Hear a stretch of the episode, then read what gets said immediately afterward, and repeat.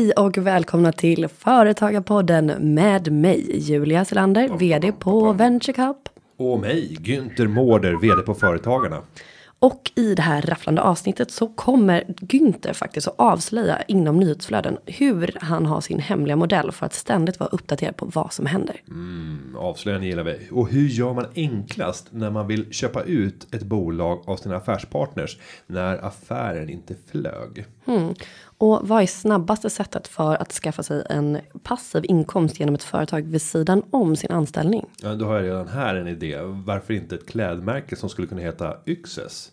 Ja, det här är. Va? Det här är Företagarpodden och vi hälsar dig varmt välkommen. Och ja, nu är det dags. Företagarna. Och där sparkar vi igång. Jag tycker vi dundrar på med första frågan. Det gör vi. Och eh, det här är ju en eh, modern eh, frågeställare som har ställt sin fråga på Twitter tror jag.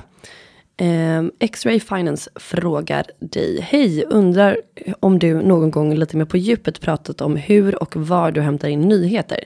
Tack för din tid. Och jag tycker att den här frågan är så himla intressant för jag har funderat på det ganska mycket själv.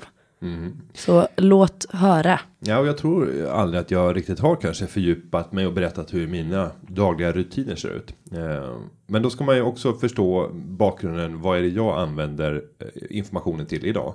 Och, och då är det ju rollen som vd på företagarna och då skiljer sig den informationen jämfört med vad jag hade för nyhetsbehov när jag jobbade i den finansiella världen. Så att nu är det liksom ett företagarperspektiv. Absolut. Eh, Men ska vi ta en vanlig vecka? Jag tycker att vi ska börja med en vanlig, ja, men säg då en helg versus eh, vardag kanske. Nej, men vi, om vi börjar en vardagmorgon, en måndag morgon. Eh, så fort jag vaknar, vilket brukar vara vid sex, barnen väcker mig lite tidigare. Men då väntar jag till 6.30 eller lite bit in. För då kan jag sätta på eh, den första längre ekot sändningen från Sveriges Radio. Och sen kan jag även ha ekonomi ekot. Så efter 06.30 så går de sändningarna. Och då lyssnar jag nästan alltid lite i efterhand i appen. För att på så sätt få en uppdatering. Det som sägs där under den kvarten på nyhets eh. Ja, det täcker oftast det mesta i ett svenskt perspektiv. Sen så har jag pushnotis kopplat till Bloomberg och det är mer finansiellt.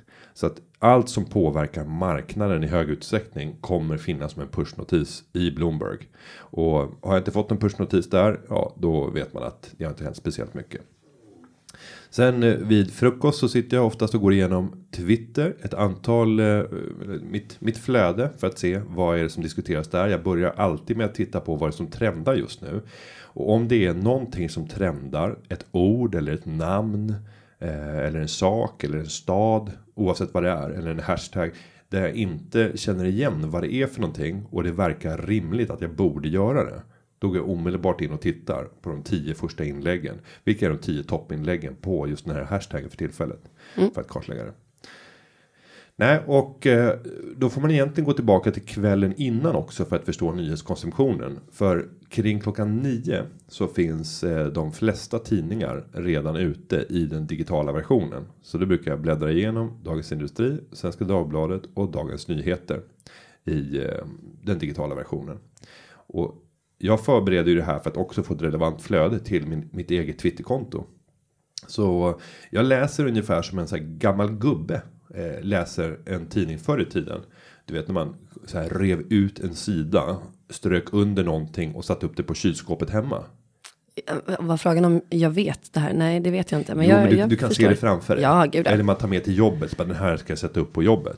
det låter underbart. Ja. Jo, men likadant gör jag, fast jag klipper inte ut. Utan jag gör en screen, screenshot och sen så lägger jag ut det på Twitter och så skriver en kommentar kopplat till det. Utifrån Twitter, vad jag tycker och Digitala tänker. kylskåp. Ja, vad fint. Jag gillar det. Eh, Nej men egentligen så är agerandet likadant. Men skillnaden för mig det är att jag nästan når 40 000 som följer mig. Mm. Jämfört med på jobbet. Och vi kanske hade haft 100 personer som under en normal dag kom att titta på ett kylskåp. Jag förstår absolut. Men jag tänker, hur många följare, eller hur många följer du på Twitter? Eh, nej, och det är inte så intressant. För jag tittar även på listor. Så att man kan gå in på andras listor. Där de redan har gjort bra sammanställningar över folk. Eh, och på så sätt komma åt intressanta. Eh, så att säga, vad ska man säga? Eh, samlingar. Alltså bub eller filterbubblor. För man brukar ju liksom jämka samman en grupp av människor som är väldigt lik en själv. Eh, och därifrån så kan man använda olika listor. Så jag vet inte exakt hur många jag följer, men just min följarbas är inte den relevanta, utan det är snarare olika typer av, av listor som man kan gå in på. Jag förstår. Nej, jag bara tänker att man, det är ju väldigt lätt att man drunknar i sitt eget flöde och så blir man stressad och så ger man upp. Så känner jag för Twitter. Ja, sen så har ju funktionaliteten blivit bättre för att du får en sammanställning över de tweets som Twitter anser vara mest relevant för dig. Och det kan ju vara personer som du inte följer, men som finns i din absoluta närhet. Där det finns mycket korsföljare. Mm. Um, så att den sammanställningen brukar också vara rätt bra för att få en känsla över vilka är det som har kommit ut med något budskap som får stort genomslag. Men jag tänker, vad har du att säga till lyssnare som eventuellt kanske känner att, ja men okej, okay, vi pratar om nyhetssammanfattningar, vi pratar om nyhetskonsumtion och så pratar vi bara om Twitter nu. Um, det finns säkert flera personer som inte ens har ett konto som tycker att det är någonting som man inte behöver. Nej, men är man nyhetstörstande så bör man nog ha ett Twitterkonto mm. och att bara ha direktlinan eh, och kunna få Donald Trumps tweet exakt samtidigt som alla andra i hela världen. Det ger ju ett försprång för man vet att flera av de sakerna han skjuter ut kommer att bli stora nyheter till följd av att man blir orolig och så vad händer nu? Nu ger han sig på Nordkorea ännu hårdare och så vet man att det kommer dominera nyheterna. Och det finns flera sådana personer som är viktiga att följa. Så mm. jag tycker det, det är nästan ett nödvänd, en nödvändighet för någon som är väldigt nyhetstörstande. Men om vi tar mitt nyhetsdygn sen. Så fortsätter det med att varenda stund då jag har en, liksom en transportstund eller har något litet tillfälle så går jag in och tittar. Har det kommit några pushnotiser? Och ofta så ligger ju mobila enheter framme och då tränger ju pushnotisen igenom där man kan kasta ett öga. Jag kan ju göra det nu. Jag kan bara ta bort pappret här. Jag vill inte bli störd nu. Men, eh, för att inte missa någon, någonting stort. Sen så eh, brukar jag kolla på Business Insider. Ganska intressant sammanställningar av andras artiklar men sett i ett internationellt perspektiv. Och då är det både Business Insider på global nivå men också Business Insider Nordic. Och där finns det också rätt mycket så spännande nyheter om startups, om techbranschen. Eh, sen brukar jag även gå in och titta på Mashable.com. Där har du också sammanställningar av andras artiklar. Eh, och där det ofta är så här råd och tips och eh, överraskande artiklar. Och det här är oftast ett ganska så här delningsvänligt material. Mm. Eh, så där kan jag hitta saker som skapar ett bra content som flyger sen i min egen följarbas. Sen om jag hittar någonting på Mashable då brukar ju de ofta ange vad är ursprungskällan för just den här artikeln. Och då går jag hellre tillbaka till ursprungskällan för att hänvisa till den mm. än att hänvisa till Mashable. Och det ger också en högre kredibilitet. Även om det är mer äkta egentligen att jag borde redovisa till Mashable för det var där jag hittade det. Men då kommer följarbasen uppleva att han är helt galen. Han måste ju sitta och sondera så här hundratals tidningar. nu hittade han någon liten så här, San Diego Tribune. Så bara, hur, hur har han hittat det här? Så bara, nej, men det ingår i min vanliga morgonrutin på, på måndag morgon. Jag läser. ja, och det, och det gör det ju inte. Så att, nej. Eh, Okej, så det är ett litet lifehack innan att eh, fylla på med relevant content i sin eh, följarskara. Mm. Men jag tänker, hur många timmar skulle du säga att du lägger på, i och med att det här också flyter in i ditt eh, arbetsuppdrag, du måste ju ha koll, du ska ha koll du räknar väl inte det här som fritid eller hur, hur tänker du där? Mm, nej, eh, sen så ingår ju det här samtidigt som jag gör andra saker. Mm. I morse, ja men när jag satt på cykeln och cyklade in. Ja då satt jag och lyssnade på ett seminarium som hölls av SNS. Mm. Om det framtida premiepensionssystemet. Mm. Åh. wow. Och, det tipsar alla om. Eh, nej, det var, det var inte jättebra. Eh, men då, då brukar de, de är lite för långa. Det är en timme och en kvart var det här. Så att då hinner jag bara med halva när jag cyklar in. Men överallt så fort jag har möjlighet att ha ett ljud. Ja då har jag på någon typ av, av podd eller lyssna på nyheter. Och om jag inte har någonting annat så är det nästan alltid P1 som jag är på. Mm. För att också få en bredare allmänbildning och även lyssna på kulturnyheter. Även lyssna på sjöväderrapporten. Även lyssna på tankar för dagen. Ja, filosofiska rummet.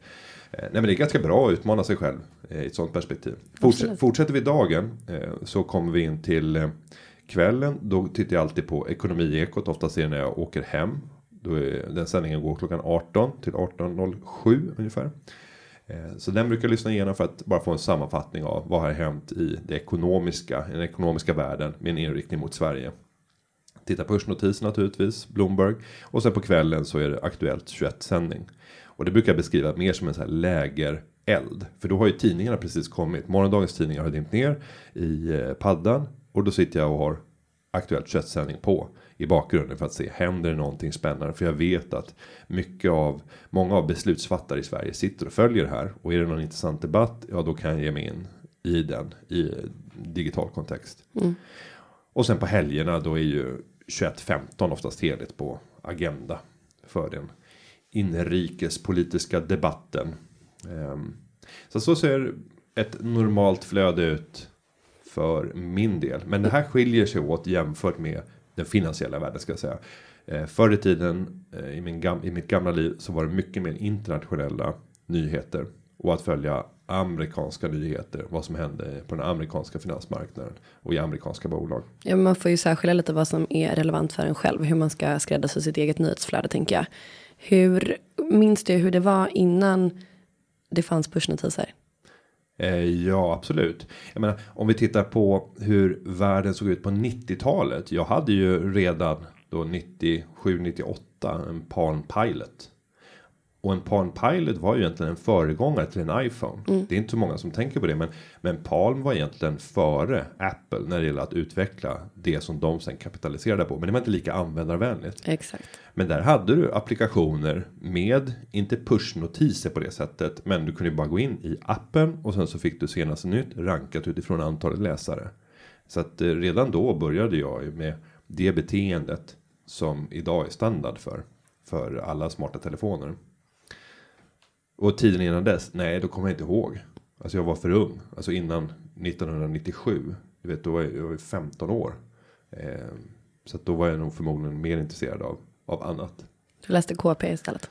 Eh, ja, KP kropp och knopp. Det Ja. var där Det var där, det var jag det som, basen för min, min uppfattning kring den kvinnliga kroppen. ja det märks. Eh, vad tänker du om käll... Vad tänker du om eh, Jag källkritik? läste också okej. Okej. Eh, de här frågor och svar är okej. Jag fick ju inte läsa. Jag är ju extremt hårt hållen hemifrån. Vilket man kanske inte kan tro. Eller det kanske man kan. Jag vet inte. Nej, jag fick ju inte läsa inte typ tro. Frida och Veckorevyn och sånt. För det fanns sex i det. Jajamensan. Man fick inte kolla på Robinson. Fick inte kolla på Bullen. Fick inte heller kolla på Rederiet. Jag fick inte kolla på Bullen. Fick inte kolla på någonting. Eller Nej. snarare att jag tränade hela tiden så jag hann aldrig kolla på något. Men det var så här standardsvaret från mor och far var så här. Nej, vad är det där? Nej, det har vi väl sett förut. Det ska vi inte se nu heller. Och då försökte jag säga, men om vi bara ska titta på det som vi alltid har tittat på så blir det ju aldrig någonting nytt. Mm, eh, har inte du några läxor att göra? Okej, ja. Men vad, vad händer med, ehm, jag tänker så här, har du någon speciell händelse som du minns vad gäller nyhetsflöde som så här, åh, jag kommer ihåg när typ eh, jag vet inte, 9-11 hände, hur, hur uppmärksammade du det? Fick du en pushnotis om det eller såg du, alltså, Eh, ja, just den händelsen satt jag faktiskt och tänkte på innan du själv sa det. Eh, och då satt jag i bilen, jag jobbade på bygge då. Och sen så satt jag i bilen och skulle transportera mig någonstans. Jag tror klockan var kvart över tre eller tio över tre. Eh, och då bara satt jag och gapade. Och jag fick ju rapporten på, på eh, radio och bara stannade bilen. Och bara så det här är, stämmer det här? men vad, kommer du ihåg vad de sa? Två flygplan har kört in i, Ja, det första var ju bara att det kanske var en olycka. Och sen så breddades ju till att nej, det här är inte en olycka. Utan det är en pågående attack. kände du då att oj, nu blir det krig? Ja, det var helt brutalt. Jag kommer ihåg att vi hade körrepetition på kvällen. Ehm, och den började väl klockan 18.30. Och då fortsatte ju, man visste ju inte vad det är över. Så att vi hade ingen körrepetition på allvar. Utan tvn var ju på liksom. Och man bara samlade. Men så andra eh, nyhetshändelser, pushnotiser. ehm, nej, men vi, vi, man hade ju inte pushnotiser på det sättet då, 2008. Men eh, när Lehman gick omkull. Då eh, var det också en sån där Chock. enormt stor nyhet för, för min del. För man trodde inte att man skulle att det skulle gå så snabbt och att man skulle tillåta det ske. Eh, och då visste man att nu kommer det smälla till rejält på marknaden. Eh, nej, så mycket av det här för min del handlar ju om, om eh, också så här finansiella händelser. Det har tagit ett mycket större utrymme för min del än, än eh, andra typer av nyheter. Sköter du ditt Twitterkonto själv? Helt själv. Det finns ingen som är inne och petar i det. Sen kommer jag att låta andra gå in och analysera för att hitta vilka är våra ambassadörer, vilka är det som verkar gilla vårt budskap så att jag ska kunna bli mer träffsäker i vilka som ska eh, markeras och få meddelande om att jag skjutit ut ett visst budskap och öka sannolikheten för att de skjuter det vidare genom att retweeta. Och det gäller ju alla format att hitta att få en förståelse för vilka är dina närmsta vänner som du inte ens vet om. Men i den Såklart. digitala världen. Men jag tänker, hmm, och vad gäller då eh, skrivna eh, liksom nyheter, prenumererar du på någon, för någon fysisk tidning hem? Nej, jag vill inte ha någon fysisk tidning hem. Och det provocerar mig något enormt att prisskillnaden inte är större mellan att köpa en digital prenumeration och en fysisk prenumeration. Och alla som köper en fysisk pre- prenumeration så ingår ju ofta en digital prenumeration i den. Och när jag jämför prisskillnaderna på en, en digital versus en analog. Så är det så här, men även om jag bara tar bort tryckkostnaden och utbärningsavgiften. Så kommer vi liksom, jag menar, det äter ju upp nästan allt. Så det borde vara en gigantisk prisskillnad. Mellan att få en digitalt distribuerad. Sen har jag en förståelse för att de vill ha ut det tryckta. Det är fortfarande ett gammalt tänk inom annons. Där print har en helt oförtjänt hög status. Mm. Jämfört med, med digitalt. Sen har vi sett ett stort skifte. Så att jag tror att vi redan har passerat gränsen. Det tror jag också. Men, men det har pågått lång tid. Ehm, Men du är inte en sån som föredrar att liksom sitta och konsumera nyheter långsammare tempo på helgen. Att du vill tycka lite mysigt att sitta och bläddra i en tidning vid, vid frukosten istället för att sitta med din padda. Nej, nej, nej, paddan är bättre. Mm. För att, eh, och där, eh, sen ligger jag ju alltid i sängen. Det är det sista jag gör. Då sitter vi och lyssnar på någonting. Då kan det vara Ekots lördagsintervju. Eller det kan eh, vara Studio 1 som går varje dag mellan 4 och, och 6. Eh, så där sitter vi ofta och lyssnar på. Samtidigt som jag lyssnar på det så fort det kommer någonting ointressant. Då sitter jag och läser istället någon artikel i någon tidning. Så jag brukar avvakta när det händer någonting spännande för att kunna fokusera och lyssna. Sen så fort det är någonting som inte låter så intressant. Då går jag och börjar läsa. Och fördelen där jämfört med att sitta och läsa en tidning eller en bok eller liknande. Det är ju att du stör ju inte den som ligger bredvid. Sant. Nej men paddan, den, där har du ju ljuset i den istället. Eh, för att ha tänd lampa för att kunna. Har du eh, några som helst sömnsvårigheter tänker jag? Nej, det har jag inte. Eh, sen så kan jag bli så uppslukad av eh, min konsumtion av nyheter och vad som händer. Så att jag somnar sent. Mm. Men eh, jag har ju inga, nej, jag har inga problem. Jag har man- inga problem. Det är ett citat. Men jag tänker att man. Om, Nej, men att det man det låter ju så stressad. Ja. För det tror jag att många skulle kanske ha blivit med min typ av konsumtion och mitt beteende. Att Fast- man hade inte kommit ner i varv. Nej, men jag tänker också att mm, som sagt i och med att du har ett ganska eh, en unik arbetssituation eller kanske inte så unik längre men där ditt privatliv och ditt eh, liksom, yrkesliv flyter ihop ganska mycket och du har som jobb att du också ska vara ajour med olika nyheter. att Du, du känner inte att du gör det här och sen måste du jobba. Då tänker jag att man kanske blir ännu mer stressad. Att det här är någonting som du ska göra för din egen skull och så. Men jag tänker bara, du har med dig din padda hela, hela tiden. Mm. Hur många gånger per dag kollar du på din padda? Eh, vet inte. Eh, 100 gånger kanske. Mm. 150. Men har du också, för du, du har ju, du har ju Snapchat och du har ju Instagram. Mm. Och du har ju Facebook. Mm. Mm. Hur, hur gifter de in sig i det här flödet? Eh, nej, Snapchat är det enda jag inte liksom har förstått konceptet för. Och eh, det har att göra med att jag har letat efter personer som jag själv tycker är intressant att följa. Och ärligt talat, jag har inte hittat någonting som jag tycker är intressant. Mm. Nej men det man känner sig så här? Nej men det man känner så här berikad och så här, så här, det här var verkligen bra att jag tog del av. alltså det, är- det är en rätt sällan förekommande känsla på. Men du följer fortfarande mig på Snapchat, så jag, Snapchat. tänker, jag känner mig utvald. Ja, och, och det som händer på Snapchat det är ju att det är ett fåtal personer som alltid markerar dig och skjuter ut allting som egentligen skulle vara inne i storyn. Så blir det personligt. Nej, de är sämst på att hantera, för så gör man inte. Det Nej, är, det är Snapchat det. vett och etikett. Det är dödssynd, avfölj, ta bort. Men sen skulle jag säga att Snapchat kan du också ta bort egentligen. För att det, det har ju gått över till Insta-stories istället. Ja, och det Så har man ju sett. Det har ju verkligen exploderat nu bara på 3-4 månader. Från att nästan inte ha varit någon som gjorde det. Och den funktionaliteten kommer för ett halvår sedan. Mm. Men, eh, men det har verkligen blivit ett oöverstigligt flöde nu. Ja, men det handlar om användarvänligheten och man är där alla är. Men jag bara menar, du måste få då en otrolig mängd olika notiser, både från sociala medier och från liksom nyhetsflöden och, och allt möjligt. Hur, hur ser liksom din skärm ut? Det måste ju vara hela tiden, eller? Mm, ja, det är det. Ja, men det blir du inte heller stressad av. Nej, det blir jag inte. Nej. Eh, Men sen har du även LinkedIn glömde du nämna där, men det är faktiskt ett format som har blivit allt bättre om du bara har en hyggligt kritiskt stor bas av följare. För att det gör att dina nyheter där har en väldigt lång livslängd eller dina uppdateringar. Så gör en bra uppdatering och eh, får bra med, med likes och bra med kommentarer så kan den där ligga kvar i så här fem dagar senare eller till och med ännu längre tid. Det händer ju inte på Twitter. Och det kan väl också vara ett litet tips till lyssnare som, som har egna bolag. Att mm, titta lite mer på LinkedIn och hur man kan använda det. För det är också väldigt kul som privatperson. Att även om jag inte har betalat någonting för mitt konto. Så kan man ju se väldigt tydligt hur många har sett det. Vilka har klickat. Hur många views har ditt inlägg och så. Om du marknadsför då din butik eller vad det nu kan vara för erbjudande. Så, så är det kul att se att man får ett ganska stort eh, flöde. Eller räckvidd. Ja, vi tittar ju även rent affärsmässigt. Så om jag tar för två veckor sedan så vill eh, förmånsgänget ha lite mer tryck på en förmån som heter företagarnas ränteanalys. Där kan man gå in som företagare och jämföra vad man har för räntor på sina krediter i företaget och snabbt få en pris, ett pris vad du borde betala. Och sen kommer även en bank som säger att det här tar vi dig för. Och då får du plötsligt ett fantastiskt förhandlingsunderlag som du kan gå vidare med.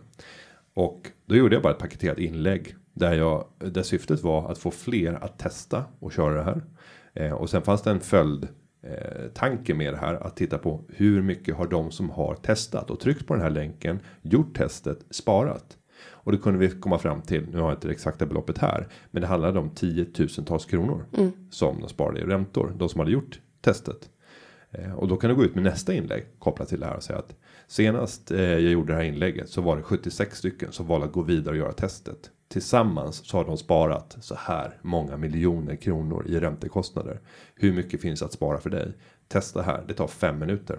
Jag kan tänka mig att det inlägget också fick ganska mycket klick. Ja, det fick det. Eh, men då har ju vi mätt för då vet vi att ja, men ju fler som testar det här så ser man värdet med medlemskapet i företagarna och är du redan medlem så ökar lojaliteten hos befintliga. Så att hela tiden förstå hur kan du använda de sociala medierna och nyhetsförmedling eller li- liknande för att driva nyförsäljning eller att behålla befintliga.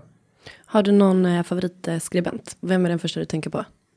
Eh, ja, men det är på ledarsidan. Eh, Tobias på DIs ledarsida. Vi har aldrig någonsin träffats. Eh, men nästan allt han skriver är av eh, ljuvlig karaktär. Alltså, det spelar ingen roll vilket ämne så bara känner jag kärlek. Så bara, det här är precis som jag tycker och tänker och han formulerar det på ett skarpt sätt. Så att det är ja, min, min absoluta favorit. Kanske en liten shoutout här till Tobias om du hör det här eller någon av hans bekanta. Kanske borde tussa ihop Günther. Ja, jag, vi skulle vilja bara bjuda på en lunch för att få Vä höra. vänta, vänta, vänta. Va? Ja, det, ja, men du har, Håll, stoppa, du har stoppa krögan. pressarna. Du har krögan. Kan inte jag få ha min? Absolut, men du, du sa, okej vi har det, we got it on camera, höll på att säga, men on tape. Du ska bjuda på en lunch, det har väl aldrig någonsin hänt? Du måste verkligen tycka om den här skribenten. Ja, håll, håll tillbaka nu. Det har hänt. Det har hänt många gånger. Ja, det här är ingen. Jag snålar inte mot andra, men jag snålar mot mig själv. Så att det kanske är Men- så att jag bjuder på lunch, men jag sitter och bara dricker ett glas vatten. och stirrar. Ja. och, och, Hoppas den var god och så hör man din mage som bara kurrar som alltid som den dessutom har gjort hela morgonen här. och, och för att kunna ställa Mm. ännu fler frågor. Så man inte äter. Bara, bara fråga, fråga, fråga. Och fråga. sen när personen inte har ätit upp sin lilla kebabrulle som du så generöst har För att bjudit man har på. Ställt så mycket frågor. då Då, man tar ta du det. resten. Ha det. Ja, okej. jag, jag tror att det här blir fantastiskt. Günther bjussar på lunch. Jag kommer med lunchinbjudan. Mm, det var härligt. Men Ja. okej, men avslutningsvis. Vad är ditt eh, tips till lyssnare som känner att de skulle vilja bli lite mer ajour med omvärlden vad gäller nyhetsflöden? Vad, vilka flöden ska man följa och inte? Hur börjar man? För det kan ju vara lätt att man känner, men herregud, jag ligger redan 20 år efter, jag vet inte vad jag ska, jag vet inte vad jag ska göra. Nej, men vill, vill man bara få en sån här bra allmänbildning eh, så skulle jag ju vilja hjälpa staten i det här perspektivet och säga så här, P1. Fy fan vad bra det är. Alltså det, det, är, det är kvalitet. Sen vet jag att det inte alltid är på den yttersta linjen när det gäller det utmanande tänkandet om framtiden och Eh, men det är bra. Det är bra analyser av vår tid. Eh, så det är ett bra grundflöde. Och sen så tycker jag att gå in och titta på intressanta profiler som du imponeras över i sociala medier. Se vilka de följer, vilka de retweetar eller delar. Och där har du ett ganska bra exempel på en bra följargrupp. Som, Eller en grupp som du kan börja följa. Det låter bra, men då tar vi med oss det. Yes, vi går vidare. Då ska vi ge oss in i företagsvärlden och Anna i Malmö har kommit med en fråga. Hon skriver så här. Hej, jag har ett aktiebolag tillsammans med ett par vänner. Bolaget har funnits i cirka ett år och har haft ytterst lite verksamhet. Lite kostnader i samband med ett fastighetsköp som inte blev av. Jag vill nu köpa ut de andra ur bolaget. Hur ska jag gå tillväga och vad ska jag tänka på? Tack på förhand. Hälsar fastighetsinvesteraren. Ja, Spännande. Vad tänker du? Ehm, nej men jag tänker att m- man kanske ska börja med att ställa en motfråga. Varför vill hon köpa ut de andra?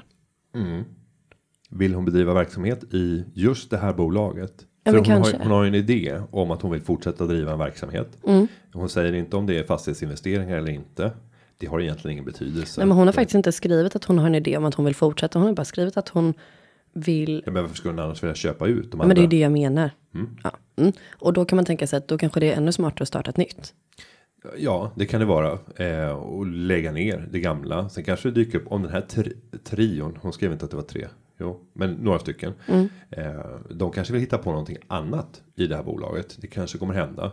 Alltså det är en relativt liten kostnad, en tidskostnad att registrera ett bolag. Sen så är det ett aktiekapital som du reserverar 50 000 för att starta nytt. Men de pengarna får du sedan använda för att göra de investeringar du behöver för inkomsternas förvärvande. Så att. Eh, ja, det väl den första frågan. Jag tycker det är en bra fråga. Mm. Och sen tänker jag också, ja men det skulle kunna vara så att det finns en anledning till att hon vill ha kvar just det här att det är bolagsnamnet hon vill åt eller att det är någonting annat som, som gör att hon vill ja, se till att få, få det för sig själv helt enkelt. Men om hon ska göra det, vad, vad ska man göra då? Ja, då får man ju titta på vad är bolaget värt och i det här har det inte hänt någonting utan förmodligen så startades det och det stoppades in 50 000 i aktiekapital. De stoppade in eh, lika stor del vardera och sen har det varit lite kostnader så aktiekapitalet har säkert sjunkit lite grann. Låt oss säga att det gått ner från 50 000 till 30 000.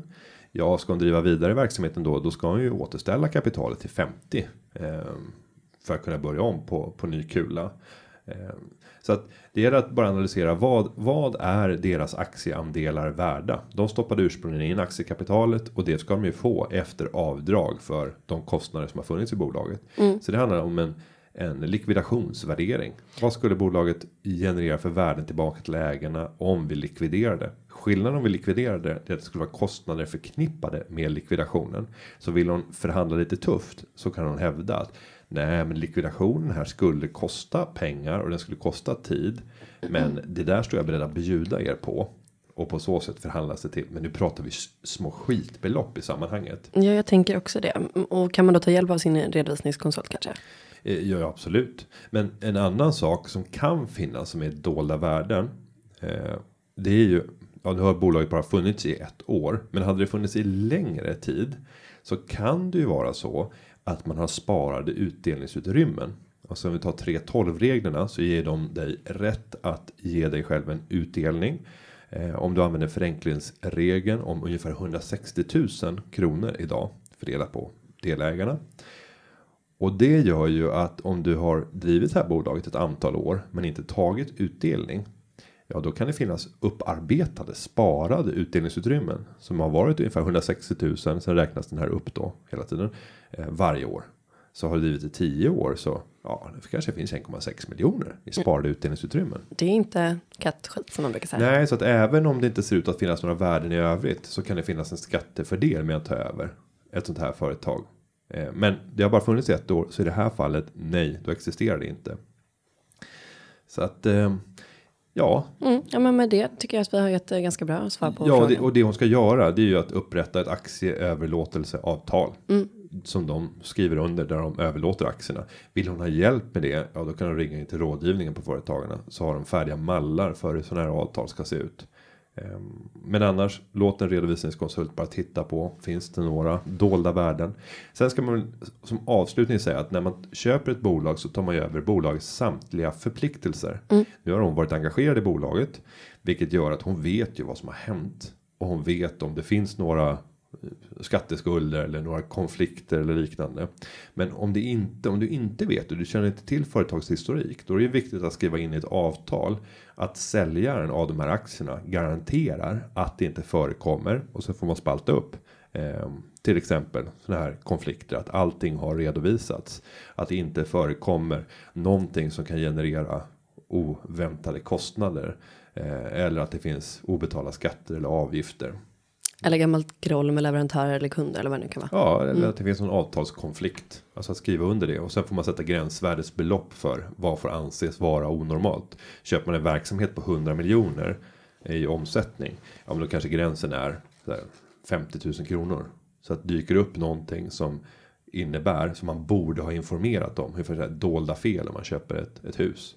Men det överstiger 50 000 kronor. Om då får det anses vara ändå relevant. Då borde du ha informerat om det. Eh, och annars då så kan personen som sålde bli skadeståndsskyldig. Om Spännande. man har skrivit ett avtal på det. Så att eh, ja, Anna, varsågod, lycka till. Men jag tycker om det blir problem, starta ett nytt bolag. Det är nästan enklaste. Fastighetsinvesteraren Anna. Ja, men tack för en bra fråga. jag har en fråga till här framför mig som vi har fått in via företagarpodden.se och formuläret. Och den kommer ifrån Erik i Karlstad. Han skriver så här. Hej Günther och Julia, ni är så otroligt intressanta, oj, och underhållande att lyssna på. Nej men, tack Erik. Tack, det värmde. Ja, ni märker hur det bästa sättet att få sina frågor upplästa är. Alltså, vi sitter och rodnar här inne. Ja, han skriver. Jag har gått i tanken att starta ett tillverkande företag inom matbranschen, nämligen Rawbars. Jag har sett att det finns leverantörer i Polen och jag har lite idéer med lokala tillverkare. Vill skapa en premiumprodukt. Har sett att det finns företag i USA som gör ungefär det jag tänker på. Jag har en heltidstjänst på ett tillverkande företag inom verkstadsindustrin och vill starta detta på sidan av och på sikt få det att bli en passiv inkomst. Vad tror ni? Är det mycket initialt arbete för att få någonting sånt här i rullning i kombination med en heltidstjänst? Och om jag ska börja, vart börjar jag? Tack för en grym podd. Oj Erik, ja men det här är en ganska, ett ganska stort beslut. Om du skulle välja att starta ett tillverkande företag inom livsmedelsindustrin. Så är det ett stort kliv som jag tror kommer kräva mycket engagemang. Det här är ingenting som enligt min bedömning någonting som man gör med vänster hand utöver en anställning. Om det inte är så att man kan gå ner i arbetstid och i övrigt i livet känner att jag har så mycket tid så jag vet inte vad jag ska lägga all tid på. Och det brukar vara ganska ovanligt förekommande. Så det är ett stort projekt han pratar om. Vad är det du tänker initialt? Men jag tänker också att om man vill, om man, det beror på utgångspunkten. Nu kanske Erik är liksom råbarfrälst, att det är hans stora passion och det är det som han vill göra någonting med. Och då är det ju en sak eh, liksom för sig. Men jag uppfattar det snarare som att det är den passiva inkomsten som är intresset här. Och då tänker jag att livsmedelsbranschen kanske är en klurig sådan för att det finns otroligt mycket regler och lagar och eh, inspektioner som man måste ta hänsyn till. Och sen tänker jag råbars, hur är marginalerna där? Mm, och, och sen har du ju, han, han säger tillverkande. Och jag är inte helt övertygad om, om du ska bygga en passiv inkomst. Då är det inte den i det ledet du ska befinna dig. Utan du ska överlåta tillverkningen åt någon annan. För tillverkningen är ofta förknippad med, som Julia säger, de här kraven som finns från Livsmedelsverket och så vidare. Jag kan inte branschen, men jag vet när jag pratar med livsmedelstillverkare att det är väldigt hårt styrt. Då är det mer intressant att titta på den delen som är mindre reglerad. Där produkterna kanske redan är godkända. Men där du bara blir den som paketerar, marknadsför och säljer. Och där du kan äga kunden direkt. Och då tänker jag e-handel på direkten som enkel distribution. Att hoppa över det där grossistledet som normalt, normalt sett finns. För om han bara är en tillverkare. Då kan det riskera att det blir en situation där han tvingas sen gå till grossister som ska tjäna sina pengar och sen ska det ut i butik och då ska de tjäna sina pengar eller på näthandel då ska de tjäna sina pengar. Och det är ganska mycket avbränning längs den här vägen och det är väldigt mycket jobb, väldigt tungt ansvar. Vad händer om det fallerar? i den produkt som du levererar. Jag menar du är ursprunget. Det är du som äger frågan om det har blivit ett produktionsfel. Om du är en mellanhand. Ja, då kan ju du slussa det vidare tillbaka till den som är ursprungsleverantör. Eh, om du bara har utformat avtalen på det sättet att när du vidareförsäljer produkten så är det fortfarande den ursprungliga producenten som har ansvaret för produkten. Eh, Ja, för jag tänker att allting som, som har med, med livsmedel att göra ska ju också konsumeras och eh, kanske ätas då. Och är det någonting som händer där så står ju du som tillverkare ansvar ifall du har sålt en bar med nötter i till någon som är nötallergiker och du garanterar att det inte finns nötter i.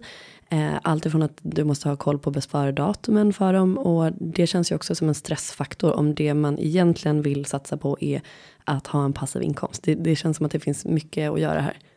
Nej, och då satt jag när vi förberedde oss inför starten av sändningen och funderade vad skulle kunna vara en bättre så att säga, passiv inkomst om man vill lägga lite tid på det.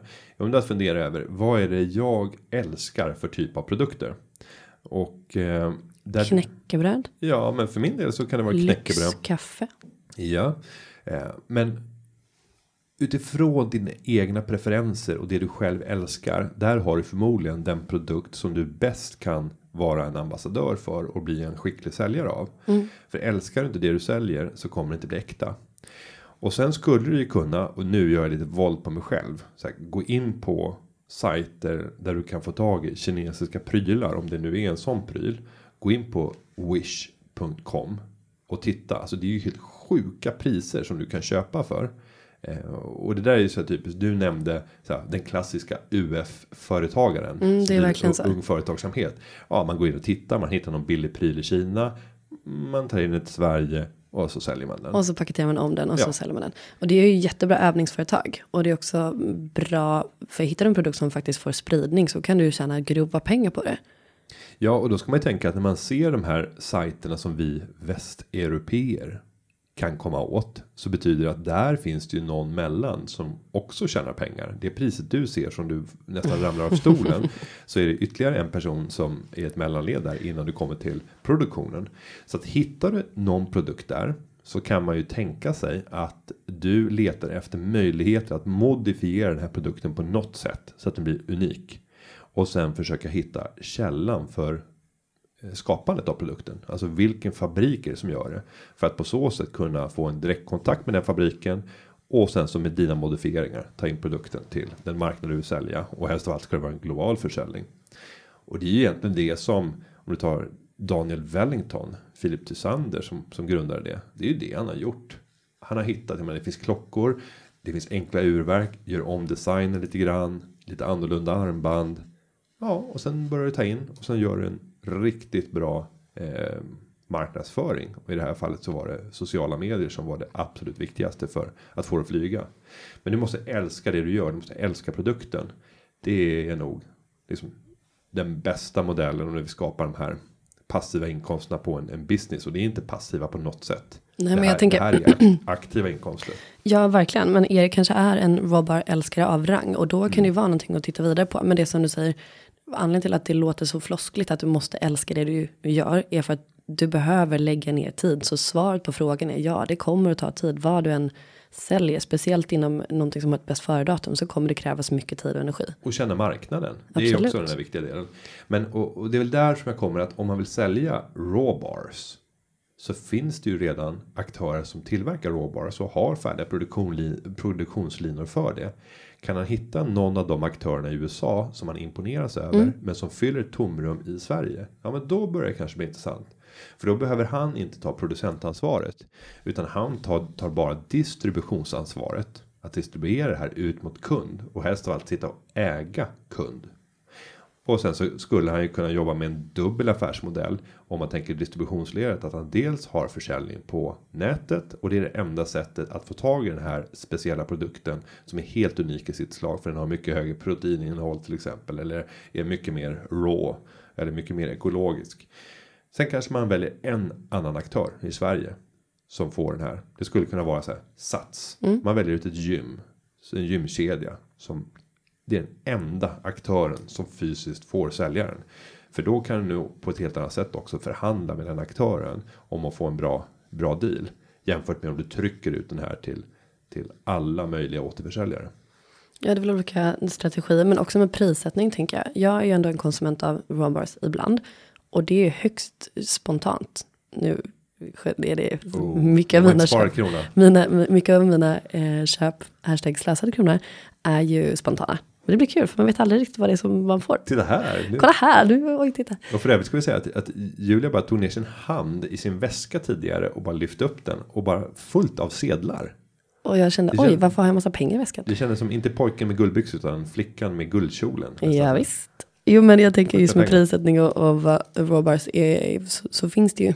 Köper du råbars, de stora tänker jag i matbutikerna så kostar de liksom ja, men 35 kronor styck och de är, ah, de är halvgoda, man vänjer sig vid smaken. Ehm, så det handlar om eh, vad smakar de? Kan du hitta någon som är riktigt, riktigt god och samtidigt riktigt nyttig så skulle du kunna lägga dem inom premium eh, liksom, segmentet. Men vad ska de kosta? Och hur ska du förpacka? Nej, ja. Mm.